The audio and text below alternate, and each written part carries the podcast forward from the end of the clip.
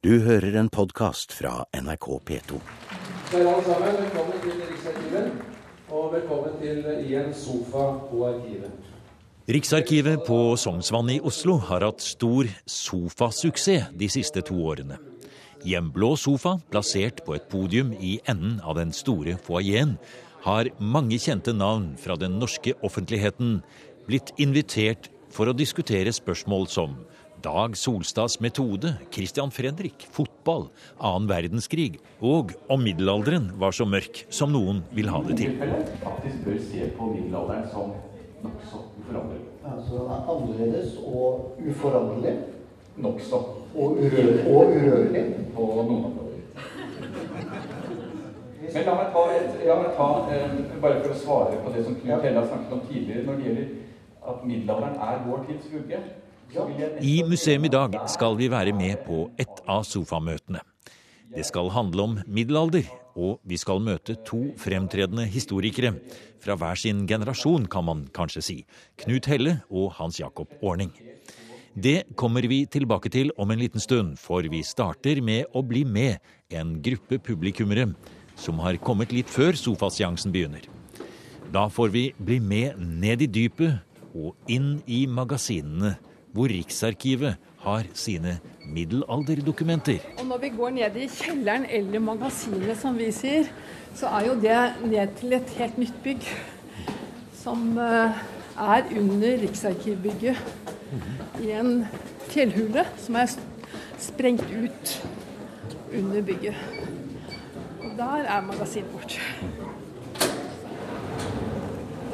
Det er arkivar Kari Bø fra seksjon for formidling i Riksarkivet som er vår guide innover i fjellhallen, i retning Norges eldste membranfragmenter.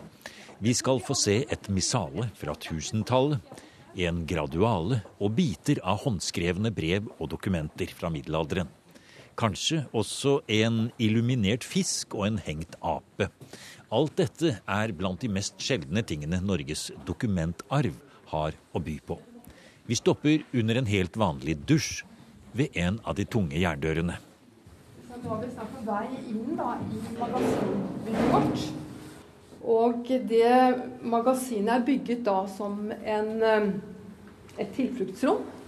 Og inneholder 90 000 hyllemeter med magasinplass. Og Riksarkivbygget det er jo da fra 1978. Og hvis dere, hvis dere ser der, så ser dere at det står 'nøddusj'. Den er, den er skrudd av for tiden. Men, men, det er jo liksom fordi at alt skulle være i orden, og, og sånn, sånn at, at, at, det kunne fungere som et, et tilfluktsrom. Eh, senere så har vi fått eh, tre magasinutvidelser, faktisk. Og det har også vært planlagt to til, men de kommer antagelig da på Tynset.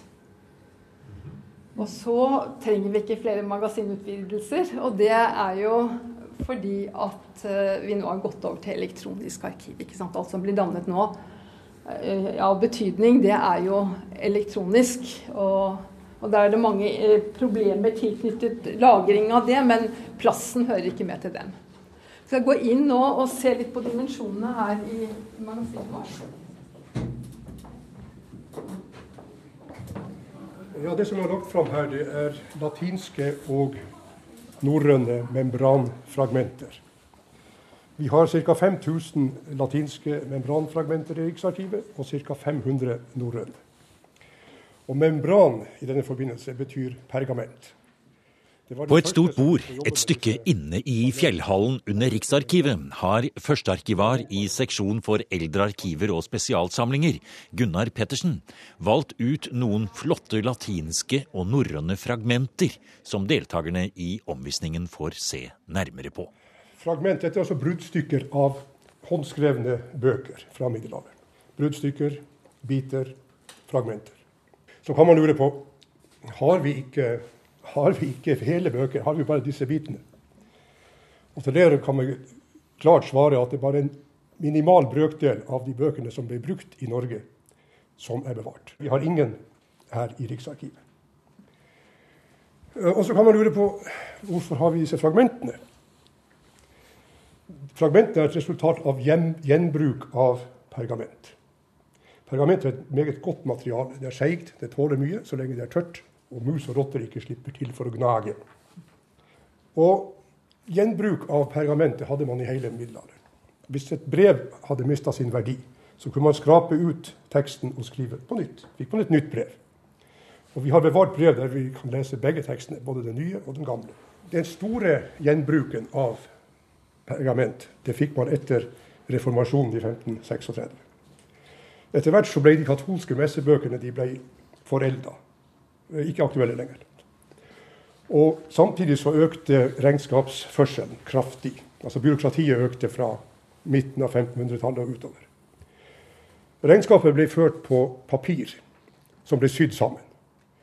Men tråden hadde en tendens til å skjære seg ut av papiret. Så var det et glupt hode, hode, som fant ut at vi har, en, vi har jo en, hel haug av disse gamle bøkene som ingen har bruk for. Vi kutter opp og bruker det. Og Til å begynne med så la de hel perm rundt. Da hadde de plenty å ta av.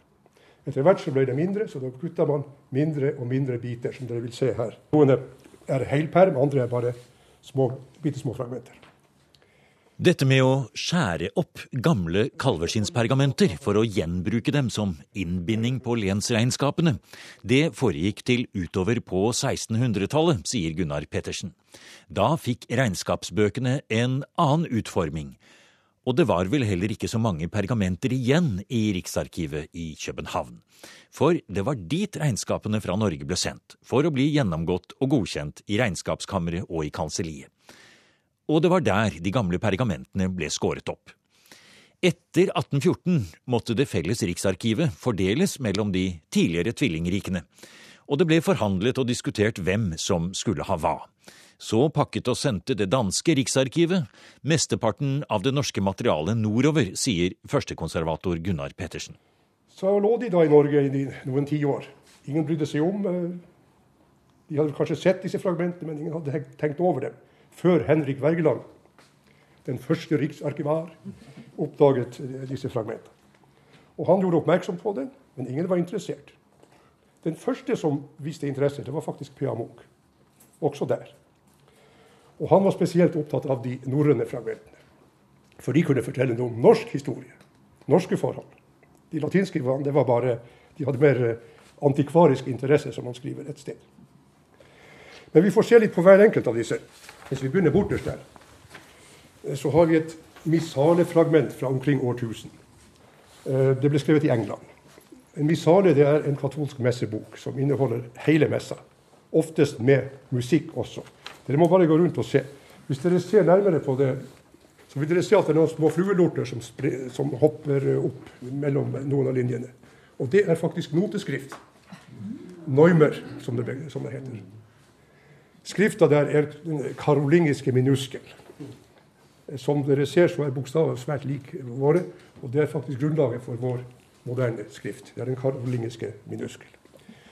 Notene de er ikke på linjer der. Det kommer seinere. Eh, og man måtte åpenbart kunne melodien for å ha hjelp av disse notetegnene der. Altså de, det hjalp dem å se når de skulle gå opp og ned og, og slikt. Så dette er altså et, ei bok som ble skrevet før Norge ble kristna. Altså mange tiår før Norge ble kristna.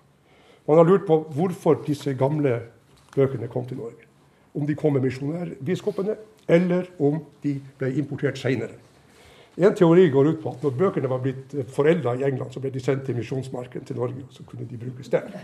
I Norge så hadde vi allerede i andre halvdel av, av tusentallet skriptorier. Altså man kan se at samme skrivere har jobba med flere manuskripter, og også med diplomer. Og ofte var det et samarbeid, slik at én skrev tekst, én skrev noter. Det var spesialisering der òg. Ellers så har vi svært lite i Norge med illuminasjon. Altså dette med å, å, å tegne figurer i marg og, og, og, gjøre det utsmykket på denne måten. Men vi har ett eksempel på et Det har vært et prakt, eh, praktbok eh, som er i veldig dårlig forfatning nå. Der er det en fisk. Og så har vi det andre tilfellet. Det er hvis dere ser der, det er et dyr som er hengt. En hengt ape, ser det ut som.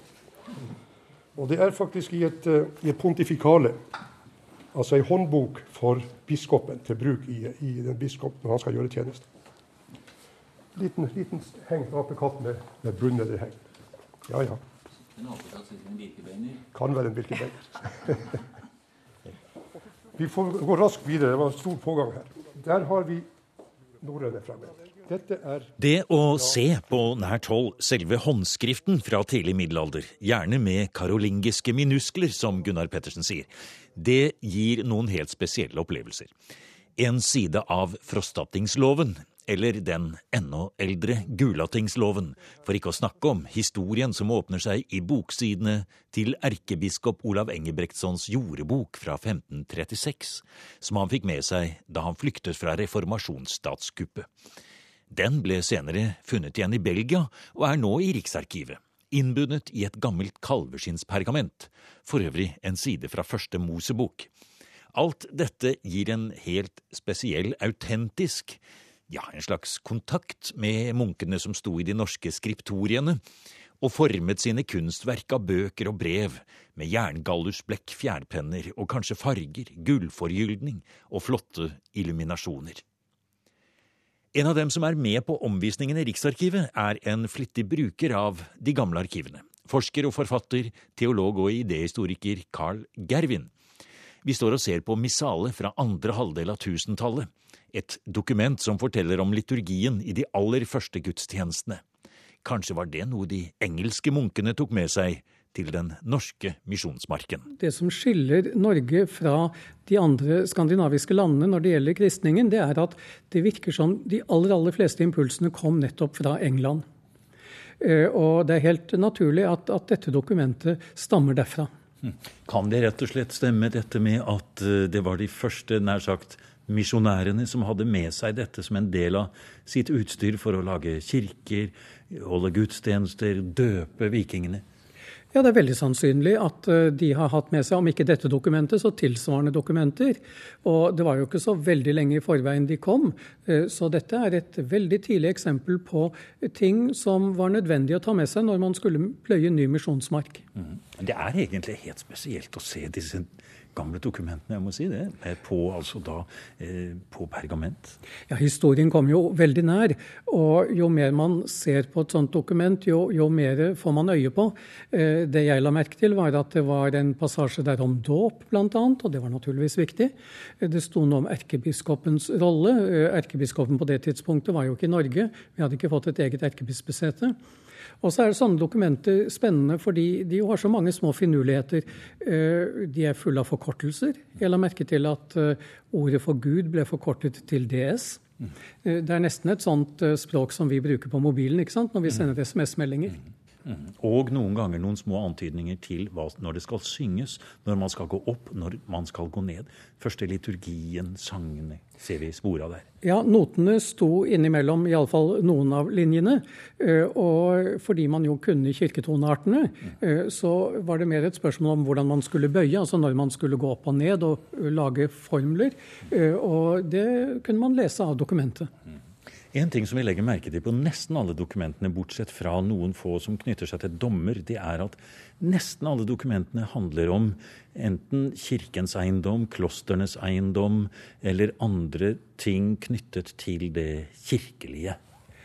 Ja, eh, men det som er Påfallende samtidig er at så mange av dokumentene uh, handler om eiendommer og eiendomsoverdragelser og uh, stridigheter i forbindelse med eiendommer. Og det er naturlig at når man hadde store eiendommer, eiendomsmasser, sånn som kirken og klostrene hadde, uh, så måtte man holde orden på det. Det var noe med å være trofaste forvaltere av den nåde man hadde fått. Det vi gjerne skulle hatt litt mer av, syns jeg, det er eh, dokumenter som belyser dagliglivet. Eh, og ikke minst dagliglivet i klostrene. Akkurat nå holder jeg på med Nonneseter kloster i Oslo. Eh, og vi har eh, god greie på eiendomsoverdragelser og inntekter fra de forskjellige eiendommene og slike ting. Vi kjenner navnene på noen av abbedissene. Men vi vet altså ikke så mye om hvordan de levde. Eh, eh, hvordan ordnet de seg? Eh, hvor, hvor, mange var de? Eh, hvordan eh, feiret de festene som særlig benediktinerne ville være opptatt av? Hallo. Veldig hyggelig å se så mange her. I kveld skal det da handle om middelalder, som dere har forstått. Dette er jo en tid som vi muligens mener å kjenne ganske godt, dersom vi da forholder oss til Hollywood, HBO og andre TV-giganter som de samme historiefortellere. Hva vet vi egentlig om denne perioden? Ja, hvordan var det å leve i middelalderen? Og la middelalderen grunnlaget for den moderne tid vi lever i i dag? Eller måtte det en katastrofe til, som svartedauden, for å få slutt på middelalderens tenkesett, og åpne for at industrialiseringen skulle skyte fart, og gi oss det samfunn vi har i dag, på godt og vondt? Det var disse store spørsmålene de to historikerne Knut Helle og Hans Jakob Orning diskuterte i en sofa på Arkivet, som et ledd i Riksarkivets møteserie. Og en av de tingene man må vinne bukt med, er denne statiske tenkningen om middelalderen som en sånn immobil periode. Det holder bare ikke. Jeg kan ikke skjønne at du vil si det så sterkt som du gjør, men det er greit nok. Enhver får ha sin mening om sånne ting. På noen men, områder. Ja, ja, på hvilke? Teknologisk nivå. Eh, jordbruk har stor grad av statiskhet helt fram til 1700-tallet. Så er det et selvforsyningsjordbruk i Norge. Ja, men La oss ikke gå i for mye i detaljer om det du vil tilbake til svarte der. Poenget er jo at når pesten er over og fortvilelsen har lagt seg, så er det jo faktisk slik at du får et bondesamfunn som har det romsligere enn før. Så det går i bølger. Det må en omveltning til for at utviklingen skal komme på et annet spor. Så Derfor så tror jeg at høymiddelalderen i hvert fall er ikke sporet som leder til moderniteten. En spennende og morsom debatt foran flere hundre tilhørere. Stemning som en rockekonsert, i hvert fall i akademisk forstand. Morsomt å høre hvordan to av Norges fremste middelalderhistorikere hadde litt forskjellig syn på hvor vi finner røttene til vår egen tid. Hans Jakob Orning er en historiker mange kjenner som redaktør for det store historieverket Norveger. Han er professor ved Universitetet i Oslo og arbeider med norrøn og nordisk middelalder. Interessefeltet omfatter også islandske manuskripter fra senmiddelalderen, de såkalte fornaldersagaene. Ikke noe rart, sier Ordning, at publikums interesse for middelalderen er stor. Og den mørke middelalder er det vel ingen som sier lenger. I Riksarkivets sofa ble det diskutert om det kanskje heller er slik at for mange ting blir lagt inn i begrepet middelalder. Det hører med til vitenskap at man generaliserer, og middelalder er selvfølgelig noe som er uhyre komplisert. Men det er også noe som man bør kunne løfte opp og diskutere som en periode. For uh, vi har tross alt den friheten når vi utforsker en periode, at vi kan velge å fokusere på noe helt spesifikt, eller vi kan velge å fokusere på noe stort. Og jeg syns at noe av det spennende med middelalderen, er dette at, at, vi kan også diskutere det som en periode som er fordi den er så forskjellig fra den perioden vi er i i dag. Det rettferdiggjør at man tar et slikt grep. Men så er det selvfølgelig masse forskjeller innad i denne perioden som man også må ta hensyn til. Kanskje er det sånn med faget journalistikk, i hvert fall så er det det med historieformidling, at det er endringen, konflikten, man stadig søker etter. Det er der tiden skal gå fremover. Men er det slik ordning at man også kunne tillate seg å se litt på de lange linjer noen ganger?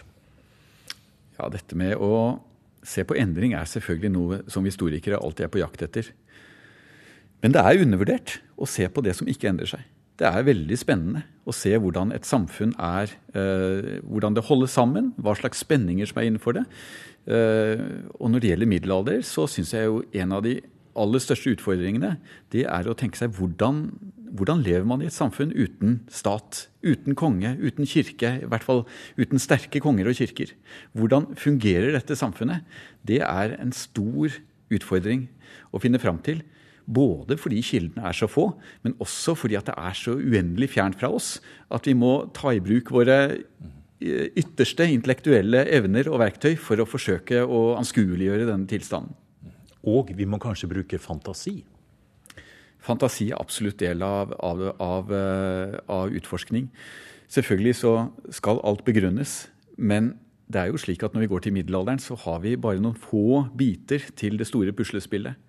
Og hvordan vi fyller ut resten av dette puslespillet, det er, det er mange måter man kan gjøre det på. Og Derfor ser man jo også at én sagaepisode kan tolkes på vidt forskjellige måter av ulike forskere. Fordi de går til det med helt ulike eh, forutsetninger og premisser. Og derfor så må vi også eh, være åpen på at det vi gjør er beheftet med en viss grad av usikkerhet. For det går jo rett inn i hva man kan bruke som kilder. Du nevnte litteraturen. Både den moderne litteratur og kanskje det som ikke engang er litteratur, men som er nær sagt muntlige fortellinger, altså fornaldersagaene, som du fortalte du arbeider med nå. Hva kan man hente inn til historisk forståelse fra den type kilder? Å lese et manuskript fra senmiddelalderen som man vet er skrevet på én gård, eh, under eh, hvor eh, mennesker man vet navnet på, vet hvordan har agert historisk, Å studere et slikt manuskript, det gjør at man får Man har en nøkkel inn i deres verden. Og den nøkkelen er ikke avhengig av som, altså om det som står i dette manuskriptet er historisk rett. Fordi Fornaldersagaer det er løgn og forbannet dikt. Men løgn og forbannet dikt er jo en fantastisk kilde til mentalitet, til folks oppfatninger. Eh, så, så for meg så er det å, å, lese denne typen sagaer, som er skrevet som vi vet hvor er skrevet, vi vet hvordan de henger sammen, eh, det er en eh, fantastisk kilde inn i en fremmed virkelighet. Den som debatterte med Hans Jørgen Ordning i Riksarkivets sofa, var professor emeritus Knut Helle fra Universitetet i Bergen. Han har preget norsk middelalderforskning i mange tiår. Som legendarisk foreleser, forsker og forfatter av mange lærebøker innenfor historiefaget. Middelalderen var en dynamisk periode. Eh, en av mine lærere, Johan Skreiner, skrev et bind i Asgeirs verdenshistorie, 'Tusen års grotid'.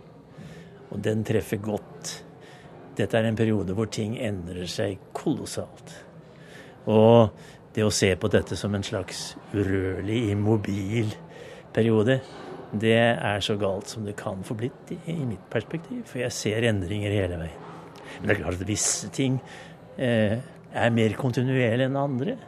Og det kan være eh, mentale holdning kommer inn der. Men at de er immobile over et så langt tidsspann, Tenk på førkristen religion, innføringen av kristendommen. Tenk på de teologiske stridighetene utover gjennom middelalderen. Tenk på opptakten til reformasjonen. Det skjer jo noe hele tiden. Hva er det etter din mening som gjør at mennesker har denne fantastiske fascinasjonen for det som gjerne kalles da for middelalderen? Dette at uh, salen her i dag er helt full. Det er uh, mengder av filmer og andre ting. Bøker, spill, alt mulig. Det virker på meg som om fascinasjonen for middelalderen aldri har vært større enn nå. Det er jo spennende. Det er jo eksotisk på mange måter. Men jeg kan ikke tenke meg at det er noe mer spennende i dag enn det var for meg å lese Walter Scott og B.S. Ingemann og deres historiske romaner. Det var umåtelig spennende. Eh, jeg tror jeg hadde vel så stor glede av det som folk har i dag av filmer. Prøv om du kan forklare det litt.